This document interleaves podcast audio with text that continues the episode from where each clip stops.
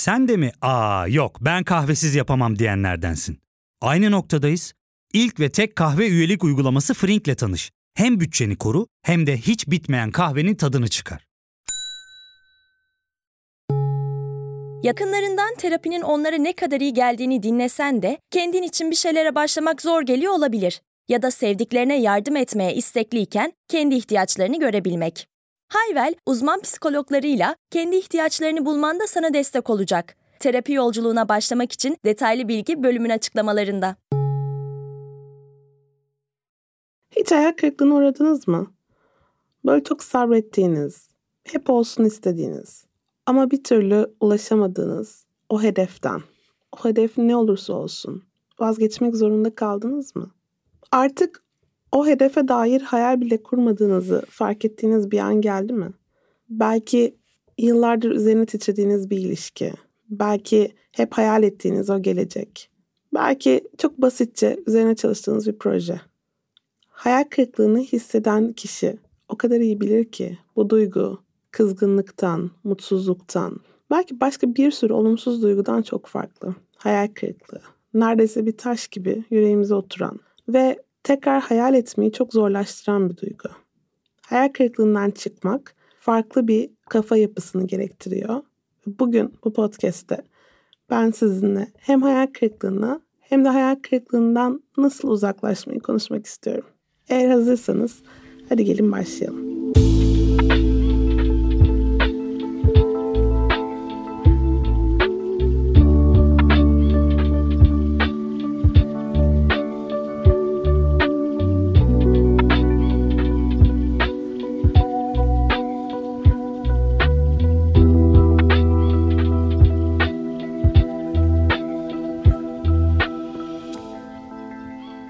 Psikolog Doktor Gizem Sürenkök. Ben Nereden Bileyim serisinin bu yeni bölümünde hayal kırıklığını ben nereden bileyim diye soruyoruz.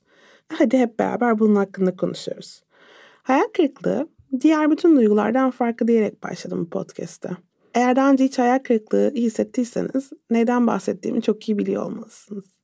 Hayal kırıklığı hissettiğimizde o duyguya eşlik eden bir sürü başka duygu var. Ama hayal kırıklığı hepsinden farklı. Neden hayal kırıklığı diğer duygulardan farklı diye sorarsanız, her şeyden önce hayal kırıklığı beklentilerimizin karşılanmaması ile ilgili. Ve diğer birçok duygudan farklı olarak hayal kırıklığı spesifik bir olaya özgü. Yani daha mesela mutsuzluk duygusunu genel olarak hissedebiliriz ya da böyle bezmişlik halini. Ama hayal kırıklığı umduğumuz bir şeyin yolunda gitmemesinden ortaya çıkan bir duygu. Ve başka bazı duygulardan bağımsız olarak Hayal kırıklığı daha kompleks. Yani üzüntü kendi başına olabilirken, kızgınlık kendi başına var olabilirken, hayal kırıklığı daha katman katman içimizde işlenen bir duygu. Üstelik de hayal kırıklığının bilişsel bir tarafı var. Eğer zihnimizde neyin beklentimize göre gitmediğini, yani beklentilerimizle gerçekler arasındaki ayrımı zihnimizde işleyemiyorsak zaten hayal kırıklığı duymayız. Bunu yapabildiğimiz için hayal kırıklığı duyuyoruz. O yüzden hayal kırıklığının o bilişsel kısmını es geçebilmek de çok zor. Hayal kırıklığı diğer duygulardan bağımsız olarak aslında olumlu bir tarafı da sahip. Şimdi böyle söyleyince şaşıracaksınız. Ama hayal kırıklığı hissetmek aslında bize değişmek için, gelişmek için, farklı şekilde yaklaşmak için bir fırsat sağlıyor. Her duygu böyle değil maalesef. Peki bizde neler hayal kırıklığı uyandırabilir? Yani bugün bu podcast'i kaydetmeden önce onu düşünüyordum. Hayal kırıklığı. Benim aklıma tabii ki öncelikle ilişkiler geliyor. Romantik ilişkiler, ebeveyn çocuk ilişkileri, arkadaşlıklarımız, bazen iş ilişkileri. Mesela ilk hayal kırıklığını kaç yaşında yaşıyoruzdur? Düşünüyorum. Hayal kırıklığı çocuklukta mesela ebeveynlerimizin hayal ettiğimiz gibi davranmadıkları. Diyelim ki dondurma almak istiyoruz ama izin vermiyorlar. Hissettiğimiz duygu gerçek bir hayal kırıklığı. Ya da mesela bir oyuncağımız var. Kırılıyor. Biz düşünüyoruz ki annem her şeyi halleder. Annem bunu halledemiyor. Hayal kırıklığı. Aslında çok erken yaşlarda hayal kırıklığını hissetmeye başlıyoruz. Ve hayal kırıklığına eşlik eden çok önemli bir duygu var bence. Türkçe'de tam karşılığı bunun var mı emin olamıyorum. Eğer bu podcast'i dinlerseniz ve bu duygunun Türkçe karşılığını düşünüp bana söylerseniz çok mutlu olurum. Ben bulamıyorum. Böyle şey gibi. ben bu insanı böyle hayal etmemiştim. Yani bu insanın benim gözümdeki yeri çok farklıydı. Şimdi baştan onu konumlandırmak zorunda kalacağım. Hani böyle mesela babam her şeyi bilir duygusuna sahipsinizdir ve bir şey sorarsınız bilemez. Ve e babam her şeyi bilmiyormuş. Ya da işte annem her şeyi iyileştiremezmiş. Ya da sevgilim benim canımı yakabiliyormuş, benim kalbimi kırabiliyormuş gibi duygulardan bahsediyorum.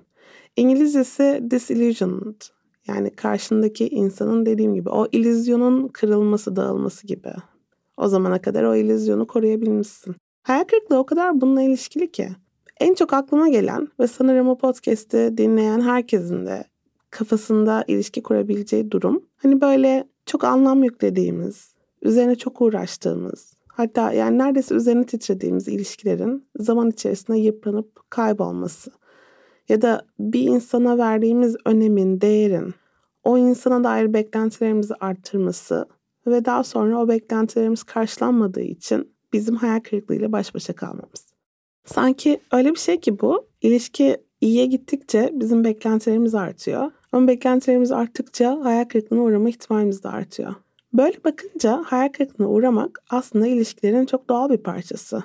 Yani böyle düşünmek lazım bence. Hayal kırıklığı hani böyle kabus gibi kendisinden fellik fellik kaçmamız gereken bir duygu değil. Zaman zaman ilişkiler içerisinde hayal kırıklığına uğrayabiliriz. Mesela diyelim ki bugün benim doğum günüm olsun ve ben bu doğum günü için arkadaşlarımdan, eşimden bana özel bir sürpriz yapmalarını bekliyor olayım ya da özel davranmalarını bekliyor olayım fark etmez. Ve bunu yapmamış olsunlar. Bu bir hayal kırıklığı. Ben ilişkimi bundan dolayı bitirmek zorunda değilim. Ama hayal kırıklığımı paylaşabilirim. Hayal kırıklıklarını paylaşmakla ilgili zorluk yaşadığımızı düşünüyorum. Ama bu konuya sonra geleceğim zaten. Hayal kırıklığı bir insan üzerinden, bir ilişki üzerinden olabileceği gibi bazen de hiç bizim elimizde olmayan durumlar üzerinden de olabiliyor. Mesela pandemi döneminde diyelim ki evlenmeyi planlıyordunuz. Ama pandemi patladı ve her şey yasak geldi. Bunu yapamadınız. Bu da çok büyük bir hayal kırıklığı. Ama bunun bir bireyle ilişkisi yok. Bunun hiç kontrolümüzde olmayan durumlarla ilgisi var. Ya da mesela belki bir proje için bir yere başvurdunuz. Bir iş başvurusunda bulundunuz ve reddedildi. Bunun sizinle ilgisi olması gerekmiyor. Belki başvurduğunuz yerde olağan dışı bir durum var. Belki siz çok iyisiniz ama yine de başvurunuz reddediliyor. Bu da hayal kırıklığı. Yani aslında sizinle veya karşınızdaki insanlarla birebir ilişkisi yok. Her hayal kırıklığı kontrol edebildiğimiz veya karşımızdaki insanın kontrol edebildiği şekilde gelişmiyor maalesef.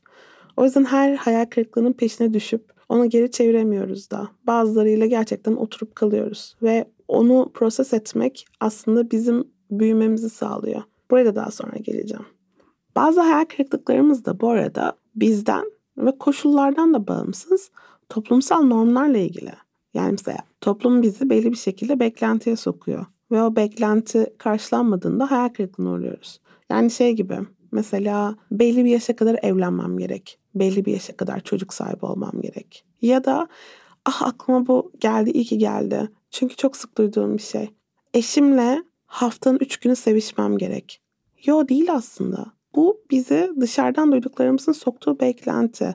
Ama o beklenti karşılanmadığında müthiş bir hayal kırıklığı yaratıyor.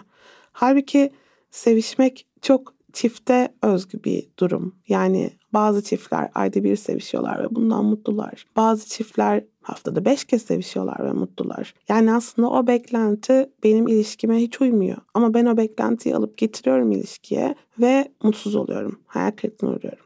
İşte belki burada tam bu noktada şu ana kadar anlattığım farklı farklı hayal kırıklıkları içerisinde bir durup şunu düşünmek lazım. Ben beklentilerimi neye göre oluşturuyorum? Beklentilerim benden kaynaklı beklentiler mi? Beklentilerim karşımdan kaynaklı beklentiler mi? Yani karşımdaki insandan kaynaklı beklentiler mi? Beklentilerim bugüne kadar bana empoze edilen, toplum tarafından, ailem tarafından ya da başka bir şeyler tarafından empoze edilen beklentiler mi? Mesela kardeşlik ilişkisi. Geçenlerde bir podcast'te kardeşlik ilişkisinden bahsettiğimde çok mesaj geldi. Bunun hakkında daha fazla konuşur musunuz diye. Bununla ilgili bir bölüm kaydetmeyi düşünüyorum ama şu an aklıma şu örnek geliyor. Kardeş dediğin birbirini kollar. Kardeş dediğin hep birbirinin arkasında olur. Gerçekten bir baksanız etrafınıza. Kaç tane kardeşin birbirini kolladığını görüyorsunuz. Hele de yeni jenerasyonlarda böyle mi gerçekten? Belki eskiden o aile şirketleri, aile işleri, ekonomik olarak kazanılan paranın paylaşıldığı dönemler var. Ama şimdi çok daha bireysel hayatlar sürdürüldüğünde gerçekten o kadar entegre mi kardeşler birbirine? Ama eğer biz beklentimizi geçmişten getirilenlere göre belirlersek hayal kırıklığına uğramamız çok olası değil mi bu kardeşlik ilişkisinde? Ya da mesela romantik partnerimize dair duyduğumuz beklentiler. İşte o hep çok konuşulan ruh eşi. İşte ben daha konuşmadan beni anlamalı. Ben üzüldüğümde her daim tam olarak yanımda olmalı ve benim aradığım desteği hiç kusursuz bir şekilde bana sağlamalı ya da hiç tartışmamalıyız. Ya da işte az önce bahsettiğim bol bol sevişmeliyiz. Gerçekten gerçek ilişkiler böyle mi? Eğer bu beklentilerle girersek biz ilişkilere hayal kırıklığına uğramamız gerçekten çok olası değil mi sizce de? Yani hiç kavga etmemeyi bekleyerek girersek bir ilişkiye ilk kavga ettiğimizde nasıl hissedeceğiz?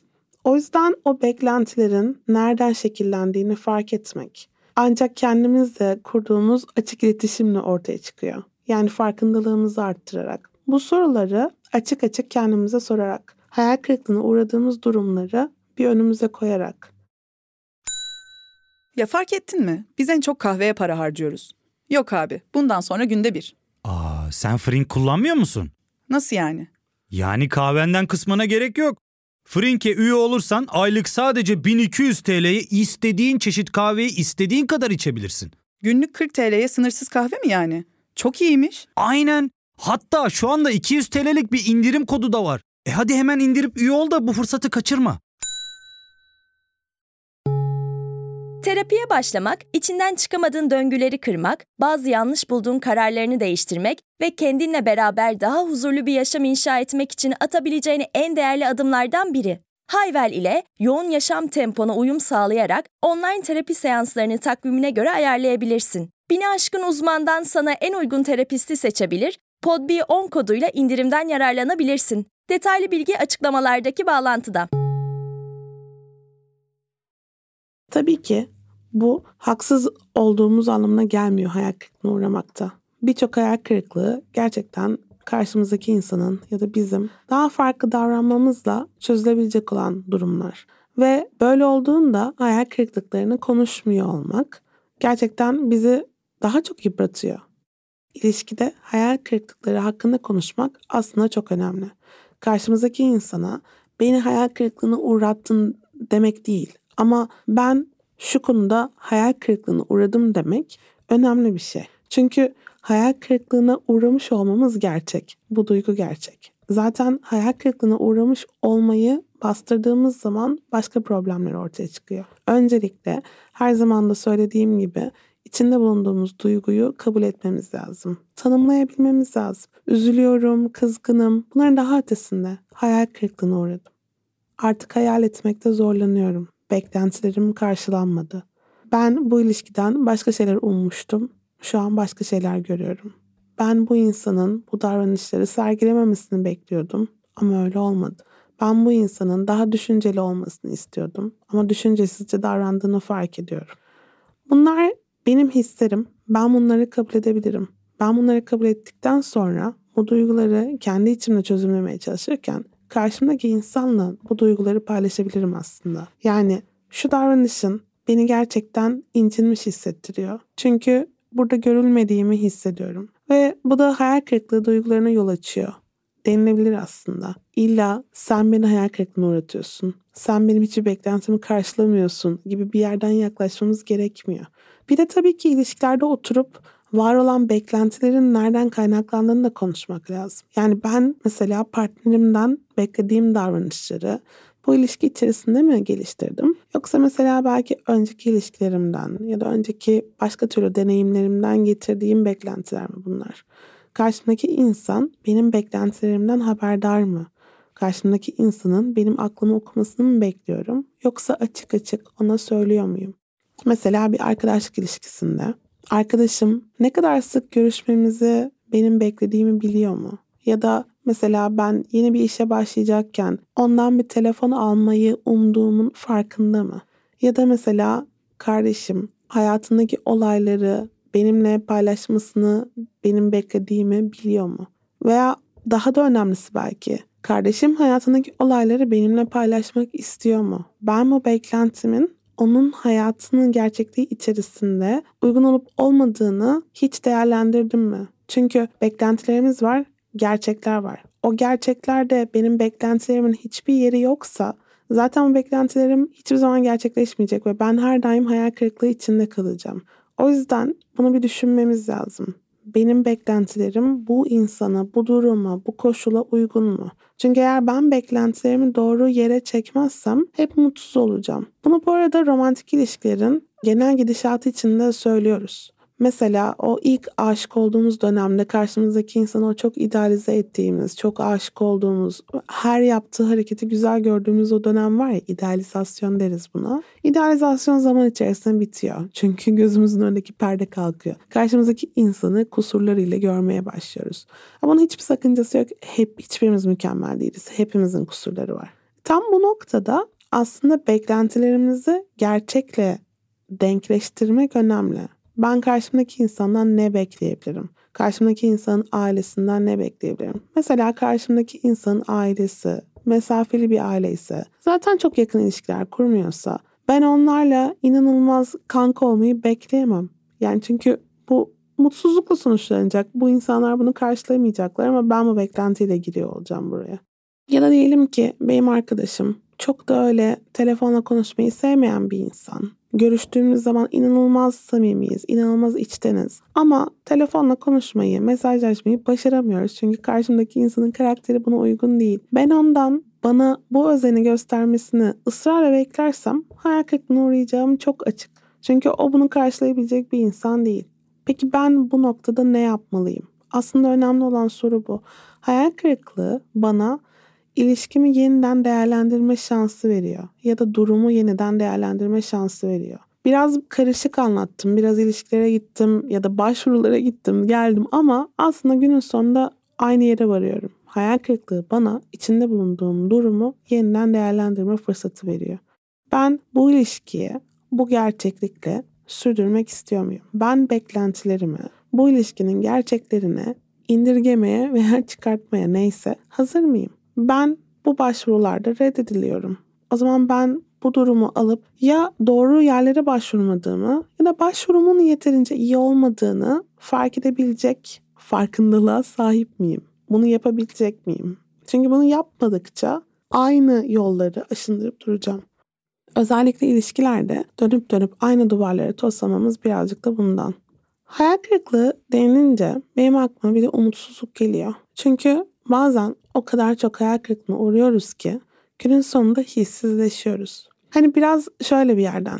Hayal kırıklığı varsa umut da varmış gibi. Çünkü hayal kırıklığına uğrayabilmem için biraz beklentimin olması lazım. Biraz umudumun olması lazım. Mesela değişim beklediğimiz bir ortamda o değişim olmuyor. Olmayınca hayal kırıklığına uğruyoruz. Ama bir sonraki değişim ihtimalinde içimde bir şeyler heyecanlanıyorsa Demek ki benim hala umudum var. Demek ki hala hayal kırıklığına uğrayabilirim. Ama hayal kırıklığına uğradığım zaman biliyorum ki umudum devam ediyor. Özellikle umudumu kaybettiğim, hissizleştiğim, artık çok da üzülmediğim, artık çok da umursamadığım noktalarda kaybediyoruz ilişkileri. O yüzden de o savaşları yapmalı mıyız? O yolları gitmeli miyiz? Kendimizi o kadar yıpratmalı mıyız sorularını biraz daha öncesinde sormak önemli. Çünkü o hissizleşme hali, umudunu tamamen kaybetme hali, artık umut etmeme hali daha yıpratıcı olan, daha üzücü olan, daha çok bizi sorgulatan hal. İşte böyle sevgili dinleyiciler. Hayal kırıklığı denince benim aklıma bunlar geldi. Birazcık toparlayıp anlatmak istedim size. Çünkü hayal kırıklığı bence çok insani, çok yoğun ve çok sık hissettiğimiz bir duygu. Bazen bu ülkede yaşadığımız için sık yaşadığımız bir duygu. Bazen dünyanın belirsizliği içerisinde çok sık yaşadığımız bir duygu. Bazen toplumsal normlar sebebiyle çok yaşadığımız bir duygu. E zaten ailede ya da romantik ilişkilerde sıklıkla hissettiğimiz bir duygu. O yüzden hayal kırıklıklarımızı sanki böyle bir araya getirsek baya baya baya uzun bir yol olur gibi. Eğer siz de bu duyguyu sık yaşıyorsanız Umarım bu podcast biraz olsun bu duyguya daha farklı bakmanızı ve hayal kırıklıklarınızı aslında daha şefkatle sarıp sarmalamanızı sağlar. Çünkü dediğim gibi hayal kırıklıklarından öğrenebileceğimiz çok şey var. Hepinize sevgiler.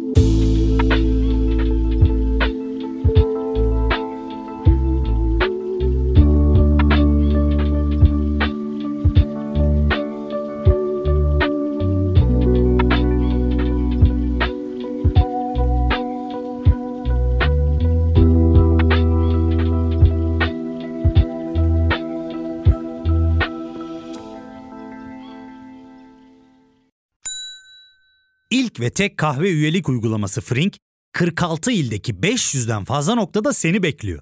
Açıklamadaki kodu girerek sana özel 200 TL'lik indirimden faydalanmayı unutma. Hadi sen de Frink üyeliğini başlat, kahven hiç bitmesin.